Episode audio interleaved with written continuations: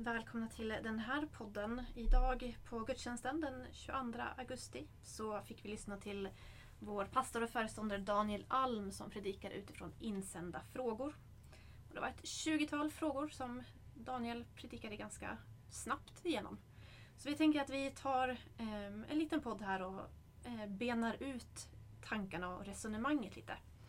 Så Emelie Collén heter jag och jag sitter här då med Daniel Alm. Välkommen. Hallå där. Tack så jättemycket. Ja, det. Ja. Har, har, du överlevt dagens predikan? Jag har överlevt. Du har, har du överlevt? Ja, jag kände väl att det var lite sådär andan i halsen. Mm. Många frågor men... Ja, några valde, gick väldigt snabbt. Ja, och jag valde väl att ta med alla och kanske ta dem lite snabbt en del av dem. Mm. Så det är väl därför vi sitter här nu då. Fördjupa lite va? Ja, men jag tycker vi hoppar rakt in ja. med en fråga. I församlingen finns flertal HBTQ-personer. Många som inte vågar komma ut. Vad skulle du vilja säga till dem, speciellt ungdomar? Jag har själv personlig erfarenhet av att det inte alltid talas gott om oss som är gay, HBTQ, inom olika sammanhang som gudstjänster, läger och seminarier. Och vad är din och församlingens önskan över framtiden för aktiva medlemmar som är HBTQ? Ja, det, är ju en väldigt vad ska man säga, nutida eh, diskussion och, och människor som Eh, Eh, rör sig i detta på, på ett annorlunda sätt än för bara säg 20 år sedan eller 30 år sedan och så vidare. Och en del av den utvecklingen tror jag är bra. Att inte det är sånt stigma runt det. Utan att man liksom kan vara där man är. Nu ska man dock eh, komma ihåg att i en kyrka som våran här till exempel. Jag tror många, många kyrkor vet man man ägnar sig inte så mycket åt det här. En del tror att vi ägnar väldigt mycket tid åt de här sexual eller samlevnad det är väldigt lite tror jag egentligen man kan säga. Och det kan vara på gott och ont men jag, jag bara konstaterar det att det är ju inte så att vi håller på att fråga folk om sexuella läggningar, preferenser. eller så. utan vi vill du tro på Jesus och låta döpa dig. Vill du vara med i församlingen? Välkommen. Så jag, jag, jag på ett sätt värjer jag mig lite från att vad säger församlingen om oss etiopier? Vad säger församlingen om oss kvinnor eller om oss unga eller om oss gamla? Jag förstår att vi ibland så här behöver lyfta det, absolut. Men någonstans vill jag ha någon slags mer så generell hela tiden att att ja men vi är människor vi alla och, och sen när man lyfter frågorna då kommer det lite från en annan en annan håll, eh, synvinkel och, och där där var jag inne på predikan att jag, jag menar att det finns två storheter som ibland här blir en krock i en kyrka. Och det är så att säga Gudstron, auktoriteten, har, Bibeln, har Gud något att säga om hur vi ska leva våra liv överhuvudtaget? Eller är det upp till oss var och en? Och så liksom hela paketet tro och hela paketet rättigheter. Och rättigheter är på inget sätt oviktigt. Det, det, det är jätteviktigt men men man måste komma ihåg att en kyrka baserar inte sin syn på rättigheter utifrån att var och en definierar det utan ett gemensamt sökande. Vad är Bibelns ton? Vad är Guds vilja? Och så vidare. Sen, sen är det inte så självklart alltid att bara mejsla och säga exakt, exakt, exakt. Jag tycker det är bekymmersamt också när man blir väldigt så dogmatisk och kan och vet exakt allt hur, hur, hur livet är med Bibeln i hand. Liksom det, blir, det är inte så enkelt heller alltid. Men, men jag värjer mig också mot den här mera självdefinierande rättigheten som jag ju då tycker är den som, som vår tid har ganska mycket. Att man till exempel kan själv välja etnicitet. Där är vi inte än, men vi är på väg åt det hållet. Att själv välja sitt kön, att själv välja sin nationalitet kanske. sådär nu, nu till exempel att, att barn ska kunna välja. Ja, men jag skulle vilja ha fler föräldrar än de två eller en jag har. Hela det, det jag, jag får vara ärlig och säga att jag värjer mig mot det. För för mig blir det lite det här att Gud har satt upp stjärnor på himlarymden. Och jag är liksom på ett vatten här och där är det vågor och jag försöker navigera efter de stjärnorna. Jag är inte där uppe. Jag, jag, jag har inte hela allt perfekt har massor vågor och vi har. Men vi, vi försöker heller inte släcka stjärnorna utan vi försöker i alla fall navigera efter dem. För att på något sätt komma rätt i, i våra relationer och sådär. Och så därför så tänker jag att HBTQ-personer ska respekteras. Ska inte på något sätt målas ut eller behandlas särskilt utan det är människor värda Guds kärlek. Eh, församlingens liksom värme. Det är också syndare. Precis, återigen, liksom det här vi varit inne på. Alla, även homosexuella, är syndare. Eh, precis som jag är och behöver Guds nåd för att bli frälst. Eh, så så det, är liksom, det är flera tankar i luften här. Och då, då kommer vi ju, landar ju vi, så här långt som vi uppfattar bibeltexterna, så även om det låter liksom kanske hårt så ser ju inte vi äktenskap som en mänsklig rättighet som exakt alla ska ha och måste få i alla lägen. Utan i Matteus 19 säger Jesus det finns tre skäl till varför människor inte gifter sig. Det ena är för vad, hur, hur de är födda, säger han. Det andra är för vad människor har gjort med dem. Och det tredje är att de själva för himmelrikets skull väljer att inte gifta sig. Och jag tänker att det finns en väldig visdom i det där. Eh, att, att Jesus ändå lyfter och, och, och, säger att en del är födda på ett sätt som inte då det skulle kunna vara fysisk deformitet i en tid när man inte kunde göra ingrepp och korrigera. Eh, så att man är kanske omöjligt i samliv. Eh, och Jesus ändå konstaterar det. Det är man ändå en fullvärdig människa även om man inte skulle kunna då på det sättet gifta sig. Likadant att faktiskt en del är så traumatiserade, så förstörda kanske av krig, av, av övergrepp, av slaveri. Så att de faktiskt har väldigt svårt att sen bilda en egen familj och klara det. Utan skulle mer behöva ingå och bo i en stor familj, kanske kollektiv, vara med i en församling. Och så sätt ha ett familjeliv, så att säga. Och en del faktiskt väljer ju att nej men jag ägnar mig åt det här istället. Och, istället för familjeliv. Man väljer att inte gifta sig. Så så, så då har ju det lett till att vi har ju en syn som är som vi tycker kommer liksom ur skapelsen, man, kvinna, att det ändå finns grundläggande biologi. Det finns ett, ett vittnesbörd i Bibeln. Så, så vi välkomnar alla, men vi gör inte en institution av allt. Typ. Vi, gör, vi välkomnar hbtq-personer, alla människor är välkomna till kyrkan liksom, och gemenskapen. Men vi gör inte institution av allt som de människorna gör. Och, därför, och här är för oss då, och här har du det här trons paket, värderingarna. Där möter det rättigheterna. Ibland tror jag att vi eh, så att säga kommer rätt, ibland kanske vi kommer fel.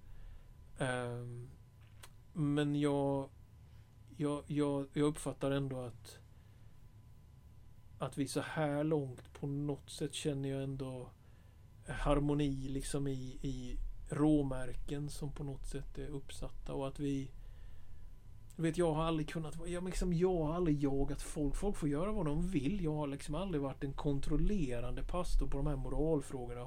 Ja, tog du ett glas vin igår kväll? Alltså jag har aldrig hållit på så. Jag har inte det. Vår församlingsledning jobbar inte så. Eh, I övrigt heller. Och jag tror det är väldigt ovanligt. En del har den bilden av en väldans kontroll. Liksom, va? Men, men, men å andra sidan har vi ändå liksom Ja men vi vill inte släcka stjärnorna. Alltså Bibeln är Bibeln, löftena, sanning. Alltså det är också någonting att och så, och så snubblar vi och så får vi ihop det och sen får vi inte ihop det. Och så, så går det bra och så går det dåligt och stjärnorna lyser fortfarande. Jag tänker att det är, är jättefint. Inser dock att alla människor köper inte det här resonemanget utan man tycker att Ja men varför kan inte jag på det här sättet också få kyrkans välsignelse i ett äktenskap till exempel. Men vi, vi behöver inte fördjupa oss mer i det men det är klart att det finns ju, det finns ju andra sådana aspekter som, eh, som vi så att säga, håller på med som handlar om eh, ja, men åsikter som vi kan ha som är omkring eh, eh ja, men Ja, men du vet med invandring har ju faktiskt månggifte kommit upp på tapeten lite grann igen. Att det förekommer i vissa kulturer. Det är ju någonting som det svenska samhället har ganska... Ja, vi har ju vi har inte lagstiftning för det. Eh, så det är klart att det, fin det finns en hel räcka av nyanser och spektra. Så att jag, jag vill gärna fortsätta dialog med människor som hör det här. Känner mig trygg i den syn vi har. Vi vill inkludera alla. Vi inkluderar dock inte allt. Vi respekterar sexualiteten och att den leder i lite olika riktningar. Vi kommer dock inte att göra institution av alla strömningar inom det fältet. Mm. Typ så står vi. Men där sa du att, att det, liksom, de här frågorna är inte någonting som har ägnats jättemycket tid åt? Eller, Nej, alltså inte, jag tror att det ibland finns en bild av att vi typ har upp, det här är vad vi predikar söndag mm. Att det är väldigt mycket fokus. Ja, att det ibland att... kan finnas en sån bild. Va? Ja. Och riktigt så är det ju inte. För där, är det, liksom, där har ju kyrkan som liksom, generellt kyrkan eller kristenheten har ju blivit känd av någon anledning. För, för att, det? För att vara emot HBTQ eller för att... Ja. Och det är ju, Men det är väldigt tragiskt. Ja. För det handlar ju inte om att vara emot män. Alltså, det, är inte, det är ju inte det som är ingångsvärdet. Va? Men, men men jag tror faktiskt att det är det här individualistiska. Jag tror inte man kan komma till en kyrka och förvänta sig nu ska ni hålla med mig. Alltså så kan inte jag heller tänka. Utan vissa, vissa bibelord, va, de träffar mig. Och jag känner liksom, det här, är, det här lever inte jag liksom upp till. Det tänker jag att man kan inte plocka bort den. Att Gud, Guds närvaro gemenskapen, den är, den är också kalibrerande. Men det här är ju frågan, personen som ställer ja. den här frågan säger ju att den har personlig erfarenhet av att ja, ha upplevt och att det är många som kanske inte vågar komma ut. Ja. Tycker du att det finns någonting kyrkan kan eller behöver göra annorlunda? Ja men absolut. Skapa den här, absolut. visa respekten och Nej, men jag, jag har ju sagt i en del sammanhang så här att jag, jag kommer inte att gå i Pride-tåget. Jag tycker däremot att vi skulle kunna bjuda på kaffe till de som går i Pride-tåget. Alltså vi, vi kan inte ha, alltså jag, men jag tycker att vi ska älska människor, respektera människor. Jag står inte upp för hela det så att säga tänkesättet. Det är inte jag. Men vi måste ju kunna liksom älska människor, bry oss om människor. Återigen, inte stigmatisera utan ganska relaxat kunna. Och där tror jag vi har haft, typ på ungdomssamlingar ibland, så har det varit en undervisning om sexualitet som jag har varit för, ja men tafatt eller klumpig på något sätt och gjort att det blir liksom nästan omöjligt att du vet, det finns ju en sån här som man som jag hörde när jag var tonåring, liksom man undervisade om att om man håller på med sex liksom för, i fel forum eller för tidigt eller utanför äktenskapet, då, då är det som att äta på en äppelskrutt och sen är det bara skrutten kvar. och det är klart, alltså man, man gör ju sin poäng, va? Vem vill ha, då var ju poäng, vem vill ha skrutten? Va? Men det är ju, ett, det är ju faktiskt inte en hållbar logik i det utan utan man måste ju på något sätt liksom leva i en, i en tro att Gud upprättar och Gud ger liksom en ny, ny ja men vi var inne på nyskapet eller en ny chans. För det är klart att det jag tror i och för sig att kyrkan faktiskt fortfarande måste orka våga det är att erbjuda en större vision om livet än bara sexualitet. För det är klart att tidens är ju väldigt mycket sexualiteten liksom och det är så oerhört viktigt. Och visst det är viktigt men, men att livet kanske ändå har mer i sig som också är stort och fint. Eh, och det tror jag det är ganska få sammanhang som lyfter fram. Så. Så, nej, jag, jag, jag beklagar hård undervisning och så vidare men jag tror jag tror också att man, återigen, jag tjatar om detta, man kan inte plocka av en kyrka rätten att på något sätt söka vad vill Gud med mitt liv? Liksom? Hur ska jag förhålla mig till mina medmänniskor? Faktum är ju att det gör ju även den sekulära lagstiftningen. Du vet, vi hade ju en debatt att man skulle sänka den så kallade byxmyndigåldern från 15 till 10 år. Tro på 70-talet att det skulle vara okej. Okay. Det fanns rätt så starka krafter politiska så här, som ville detta. Idag skulle det vara helt omöjligt politiskt att lägga fram ett sådant förslag. Så, så i samhället, i tiden, så är det ganska skiftande. Liksom. Det går upp och ner i de här frågorna. Och jag tror nog faktiskt att kyrkan har en viss roll att vara någon form av nedlugnande, kalibrerande faktor som inte hoppar på exakt alla trender eller vad ska man säga utvecklingar i detta utan tillåter sig att ta tid på sig. Mm. Så att eh, vi kommer inte ändra oss imorgon och inte i övermorgon. Och jag har väldigt svårt att se att vi gör det men, men vi kommer ändå ändra oss. För vi, tiden ändras, behoven i andras människor måste få, få bli bemötta och så vidare. Så klart att vi någonstans förändras men, men vi kommer inte ge upp rätten till ja, men en övertygelse. Mm. Och att det faktiskt också hjälper människor att eh, Nej men jag, jag står för det att jag tycker inte att det, var, varför ska man ha tagit ut allt av sexualitetens olika dimensioner när man är 16 år? Alltså jag, jag, jag, jag står för det att jag tycker att det är, för mig är inte den självklarhet att det är så bra. Man kan vara biologiskt mogen, är man socialt emotionellt mogen? Alltså att, att, att orka vara, jag vet att man kan då framstå som stenåldersgubben liksom, men, men att, att ändå orka tänka lite sådana tankar att ja, men, barn kan väl få vara barn, kan väl ta det lite lugnt liksom. Utan att skuldbelägga så kan man ändå liksom tänka de tankarna, odla de tankarna att man faktiskt på det sättet Mm. Kanske rent av mår lite bättre också. Att, mm. att, att, att, allt är inte liksom sexualitetens utlevnad heller i livet. Mm. mm. Yes. Och det leder oss vidare till nästa fråga då som är är onani fortfarande inte okej okay om man är steriliserad? Ja, just det. Ja, den här frågan är ju, är ju jag, jag tolkar den då, om jag nu tolkar det rätt eller fel, så tolkar jag som att om man då har steriliserat sig så, så innebär ju inte onani att man då spiller säd för vinden, eller så här, utan då innebär det att man kan ändå inte bli exempelvis pappa då. Jag, jag har faktiskt aldrig tänkt på det utifrån det perspektivet, det får jag erkänna. Eh, Onan är en biblisk person som uppmanas av sin pappa att gå in till sin brors fru. Brodern har dött och hon har inte blivit med barn och han ska liksom göra då svågerplikten som man säger och det, det är ju faktiskt något som jag tror förekommer i vissa kulturer än till denna dag. Det är så oerhört viktigt att, man, att kvinnan får föda barn så att säga. Så att, så att då, då ska det till varje pris tillgodoses då. Och, då, och det sker här och onan gör inte det då. Och därav har vi begreppet onani. Och det är inte vad vi lägger i begreppet onani utan det är mer självtillfredsställelse. Nej, men jag, jag, jag har väldigt svårt att gå hårt här och säga att liksom onani är alltid fel och så vidare.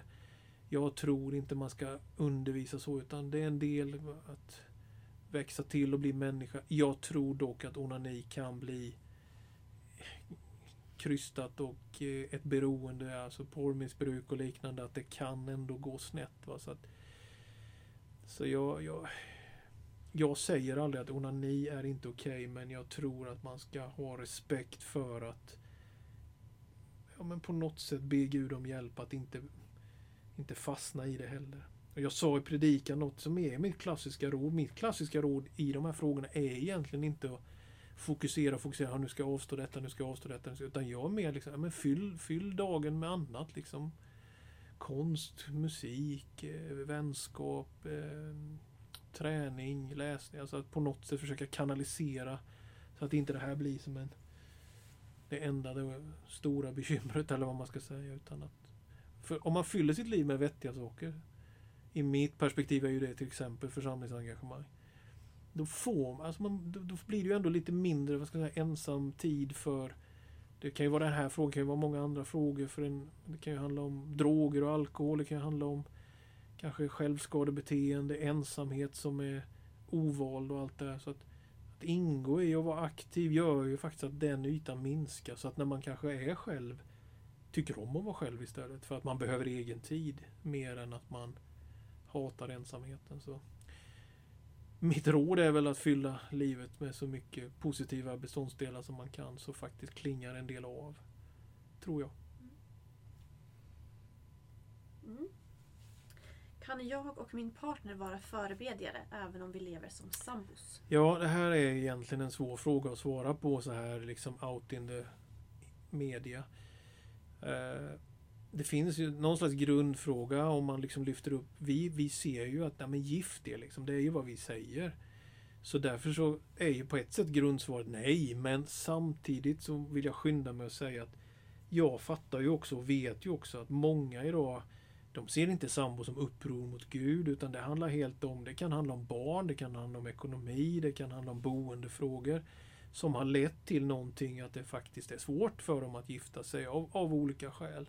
Det kan vara ja, familjeskäl, ekonomiska skäl, bostadsskäl, kanske något annat skäl, hälsoskäl. Jag vet inte men så jag, jag, jag Ja, kommer man till mig och säger att äktenskap det är strunt i det liksom och så vidare och, och, och vi ska vara förberedda. då är jag inte med.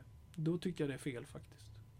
Men om man har skäl som gör att man har hamnat i en situation och man ändå vill vara med och tjäna Gud och så här, Ja, då, då tycker jag att det är okej. Okay. Och så hoppas jag ändå att man kan gifta sig framöver någon gång. Så där, finns ju faktiskt äktenskapsförord och juridiska möjligheter att även om man har lite invecklade bakgrunder som gör att det är svårt att gifta sig, att man faktiskt kan gifta sig och hantera egendom och sådär juridiskt. Då. Så, så tyvärr så är svaret ja, det beror på, är svaret. Mm. Mm. Jag har grubblat under åren om det finns en kollektiv synd. Om staten hypotetiskt säger att till exempel romer, judar och armenier är folkslag som måste utrotas och staten gör det. Vad är då min uppgift inför Gud? Kai Munk i Danmark under kriget, andra världskriget och delade andens fördömande ord från predikstolen och sköts av Gestapo dagen därpå. Vad är vårt ansvar i dessa och besläktade frågor? Alltså på ett sätt så är ju frågeställaren inne i det här ditt personliga ansvar i det strukturella. Liksom stå upp, acceptera inte. Eh, så ja, jag skulle ju säga att det finns ett kollektivt ansvar. När det gäller kollektiv synd är jag faktiskt lite mer osäker. Jag, jag, jag ser det mer som att det finns ett kollektivt ansvar. Men var och en är ändå ansvarig för sina handlingar. Så, så ett, en personlig synd, alltså det kollektiva kan medföra att jag begår personliga synder så att säga. Men jag tror att Gud bemöter oss inte som kollektiv och grupp utan som individer. Att det är min sak inför Gud.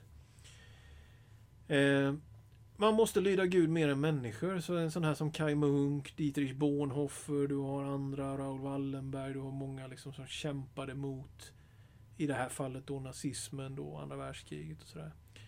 Eh, det är klart att man måste lyda Gud mer än människor. Så ibland, även om man har lagstiftarmakt och man är parlament och allt vad det är, så gör ju de fel.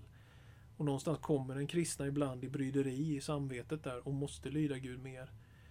Men jag tror på ett kollektivt ansvar. Jag tror att det finns strukturella problem, absolut. Men det finns en personlig synd någonstans och den kommer när jag själv liksom ändå faktiskt går med i det och gör det och, och, och bidrar till det. Då har jag eh, gjort det. Jag, jag, tog exemplet här, man kan inte skylla alla tyskar för Nazityskland. Men en hel del tyskar gick ändå med i och så vidare och så vidare. Men det är deras ansvar i detta. Inte hela det tyska folket. Vad tycker du, du är kyrkans ansvar i det här då? I, liksom, i samhällsfrågor eller i en sån här, när det är liksom krafter som växer upp i samhället? Nej, som går det... emot de, liksom våra kristna ja, värderingar. Visst. Vad har vi för eh, ansvar att ge oss in i det och samtidigt kanske inte vara för, nej, men, för liksom politiskt? Nej, eller vad, exakt. vad tycker du det här är, Och det här är svårt alltså. Mm. Grundmässigt så är vi ju förebedjare. Vi ska be för överheten, vi ska be för politiker och ledarskap. Vi är förebedjare. Det, Paulus skriver det till, till Timoteus. Be för all överhet. Och det oavsett om de gör rätt eller fel eller vad vi tycker är rätt och fel. Utan vi ska be för dem. Hur korrupta de än skulle kunna vara. Men den andra dimensionen är ju det mer vad man kallar då det profetiska ansvaret. Att tala sanning. Att stå upp mot orättvisor. Att ställa sig på den utsatta sida. Att faktiskt agera politiskt då, säger en del. Att det blir då, jag, jag värjer mig från det. Jag vill inte vara partipolitisk, men att en kyrka står upp i frågor som skulle kunna handla om dödshjälp eller flyktings, flyktingfrågor eller ekonomi eller vad det skulle vara. Alltså att, att kyrkan ändå har en röst, det tror jag faktiskt samhället behöver. Vi kan inte lämna all politik till politiker bara, utan det måste alla vara involverade. Kyrkan är en del av den vegetationen där under, så absolut. Men man måste väl hålla, hålla liksom gränsen åt lite två håll. Va? Att man får aldrig sluta vara förebedjare även för de man tycker gör fel man, man ibland säger ett ord av sanning, som man uppfattar sanning i alla fall. Och man ska akta sig för att bli partipolitisk. Där någonstans kan man ändå hitta att man kan ta ett samhällsansvar, tror jag, som är hyfsat sunt i alla fall. Men du vet, det är en del som tycker jag är för politisk. När man, jag, jag, jag agerar inte i alla frågor, men, men en fråga som jag har agerat en del i är ju Eh, religionsfrihetsfrågor såklart, men också flyktingfrågor där vi har agerat en del i eh, eh, friskolor. Och så, alltså, vi, har, vi agerar ibland liksom för det och där har vi då agerat till stöd för kristna friskolor. Tycker en del är fel och andra är rätt som är kristna. Så att det blir, det, det är, man får också akta sig som kyrkfri. Man kan inte hålla på för mycket med det för det, det kan också riskera att splittra inåt gemenskapen. Att man faktiskt ser olika på det. Mycket möjligt att vi har medlemmar här som egentligen inte är så glada för friskolor tycker, utan tycker att skolan ska skötas av ja, till, rent av staten. Idag är den ju kommunaliserad och reformer har gjorts men förr var den ju faktiskt statlig. Så att, så att det... Ja.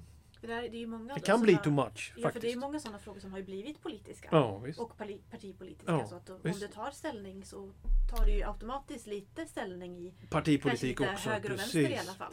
Men där är ju, där är ju, ta oss till exempel, där pingströrelsen. Man kan ju säga att vi är nog ganska så flyktingvänligt orienterade. Vill ha mycket eh, öppenhet och stort bistånd och, och, och mycket internationella kontakter och sådär.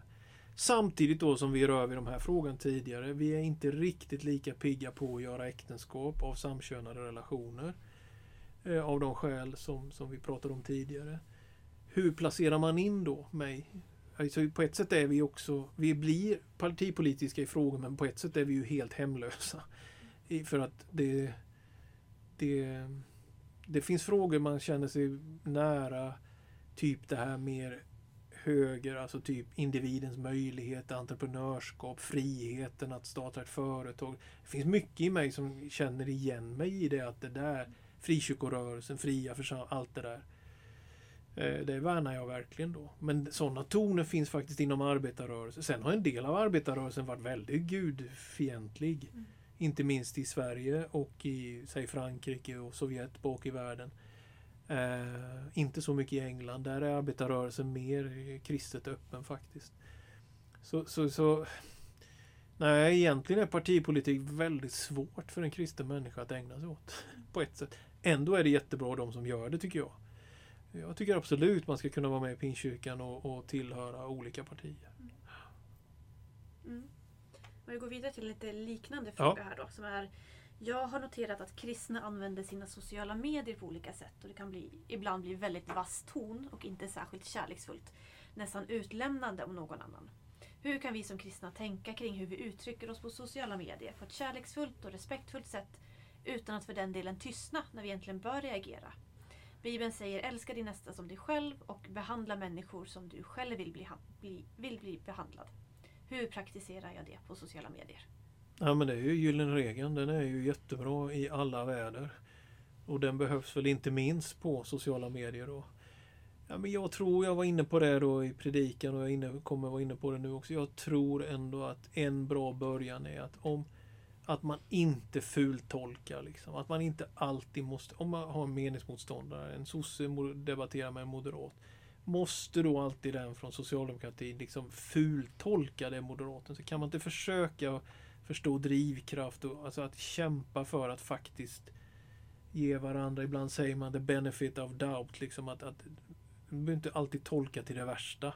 Det är ganska snyggt liksom om, om man faktiskt ger sin motståndare den eh, luft. Då får man en bättre debatt tror jag. Att vara anonym är också en del som nätet möjliggör då. Det är ju i stort sett alltid vad jag kan förstå faktiskt bedrövligt. Alltså, kan du inte stå för vad du tycker då är det ju tveksamt. Ska det verkligen fram då? Liksom sitta och vara kaxig bakom en skärm anonymt. Det är ju inte, jag blir ju inte särskilt imponerad. Kalla det för blöjradikalitet liksom. Det är visst, det är lätt att vara kaxig va. Utan jag, nej. Har man ändå respekt för motståndare, försöker att inte fultolka och faktiskt som kristen tänker att ja, men jag är kristen, jag kan liksom, jag, jag ska inte bara hugga och slå utan jag, jag måste på något sätt försöka tänka mig för. Men visst, det är ju ett ganska tufft klimat det här är ju på Mm. nätet. Mm. Mm. Ja, vi går vidare. Om en fråga om dopet här då. Att bli döpt innebär att förenas med Jesus Kristus. Som det står i Markus 16, vers 16. Den som tror och blir döpt ska vara frälst. Hur viktigt är vuxendopet för alla som är engagerade och aktiva i församlingens olika roller? Men det är ju helt avgörande för oss. Det är ju en stor del av hela vår både församlingssyn och människosyn. Att dopet är någonting som följer av tro. Troendes dop. Eh, och att det nytestamentliga exemplet uppfattar vi är med nedsänkning, by immersion som man säger på engelska. Att man, att man inte begjuter utan man döper i vatten. Eh, sänker ned reser upp. Du har en undervisning i Romarbrevet 6 där Paulus symboliserar detta med Kristi död och uppståndelse, nedsänkning och uppstigande. Du har missionsbefallningen, du har x antal dopförrättningar i Nya Testamentet beskrivna. Allt ifrån att Jesus faktiskt själv lät döpa sig och att han döpte. Det står att han döpte vid en plats som heter Ainon till exempel. Även om han nog inte döpte så många, men Jesus och lärjungarna, det finns ett tidigt läge där de faktiskt döper människor. Och Det här konstituerar liksom, man blir tro, man kommer till tro, man låter döpa sig och lagd till församlingen, man kommer med i församlingen. Det är ju vår grundsyn. Och då har man fattat det beslutet själv, man har gått till sin egen dopförrättning. Man är med i församlingen av beslut, inte av något kollektivt eller så, arv eller så, utan det är mitt beslut. Det är en väldig styrka för oss en, en, eh, en beskrivning. Man kallar eh, ett av de viktigaste kodorden ofta för baptism, just den här synen, troendedopsyn, det är frihet. Frihetsbegreppet. I det att det är ditt eget beslut. Och sedan är det då att jag mer väljer liksom att tillhöra Kristus, väljer att ge mig till honom, ge, ge mig till gemenskapen, till kyrkan, Kristi kropp. Så, så det är ju egentligen helt avgörande. Skulle vi ha kollektivanslutning, eh, du får du bli döpt på en viss årsdag eller något sånt där när du fyller något särskilt. Det, det är fjärran för oss. Utan det är när du själv tar ditt beslut. Du kan vara ung och du kan vara gammal. Och det är inte på kunskap, inte på moral, inte på aktivitet utan det är på tro. Och vi vill hålla det till det. Liksom. Den som tror och blir döpt ska vara frälst. Så att det här är för mig, är det troende dopet, det är en storhet för mig. Alltså. Sen respekterar vi det. Det finns ju andra traditioner. De får ha det. Vi får respektera. Men det är ju inte min övertygelse vad som är ett nytestamentligt dop. Så vad tänker du där om man kommer in då och har blivit döpt som barn då? Nej, då uppmuntrar vi ju människor att låta döpa sig i, i, i vatten. Då. Att, att det man har varit med om, det är ingen skada skedd höll jag på att säga. Alltså det kan vara ses som en positiv eh, välsignelse och så. Men vi, vi, vi uppmuntrar ju människor att låta döpa sig. Det här har ju varit en stor debatt. Vi kall, det här jag säger nu, det kallas för att man är vederdöpare. Det är någonting som Luther tar fram i Augustin, Confessio Augustana som är Augsburgska bekännelsen som han går hårt åt vederdöpare och svärmare. Det är typ baptister och pingstvänner. Alltså de som har troendedop och fri församlingstanke. Som inte vill ha statskyrka och allt det här. Och de som är svärmare, det var ju de som kanske lite mer ville uppleva och erfara och, och, och kanske det gick iväg ibland lite väl känsloyttringar och så vidare. I pietism och den typen av kretsar. Då. Så han går hårt åt det. Oj, oj, oj. Och det gör en del katoliker och lutheraner och ortodoxer. Men vi är kompisar med dem ändå. Men de, alltså vi har ju olika dopsyn. Man får ju respektera varandra. Men, men, ehm, men man, ja. Men vi är också frimodiga att eh, människor som kommer till tro får låta döpa sig. Mm. Mm. Mm. Vi är framme vid sista frågan, tror eller ej. Mm. Det är en rak fråga här. Mm. Tycker du att våra missionsinsatser bör ökas radikalt, inte minst på hemmaplan, för att nå fler människor? Enligt då Matteus evangeliet kapitel 28. Ja men absolut, svaret är ju ja. Sen, sen klart att vi, jag menar, vi har en budget, vi har ett ansvar. Jag personligen tycker inte att jag skäms för att vi lägger pengar på den här byggnaden som vi sitter i nu, till exempel kyrkan. Byggnad, att den finns, för den odlar jättemycket gemenskap och verksamhet som genererar också utåtriktat faktiskt. Så jag, jag vill inte vara allt för mycket ställa det ena mot det andra. Men, men, men, men när jag har sagt det så ja, jag, jag vill bli mer. Jag tycker det är roligt att vi har mycket socialt arbete. Second hand-butiken har öppnat, vill ha mer internationella. Vill ha mer direkt, vad ska jag säga, förkunnelse utåt. Ut, ut, ut. Det håller en församling sund. Så absolut att man vill att det skulle bli mer av det. Liksom utåtriktade så, absolut. Gott. Det var allt. Tack så mycket Emelie. Tack så mycket. Vi hoppas det här samtalet och samtalen är till lite vägledning för dig som lyssnar. Får gärna höra av sig. Det finns väl kontaktvägar via hemsidor och annat. Så det är Ja. bara att höra av sig. Tack så mycket då. Tack så mycket.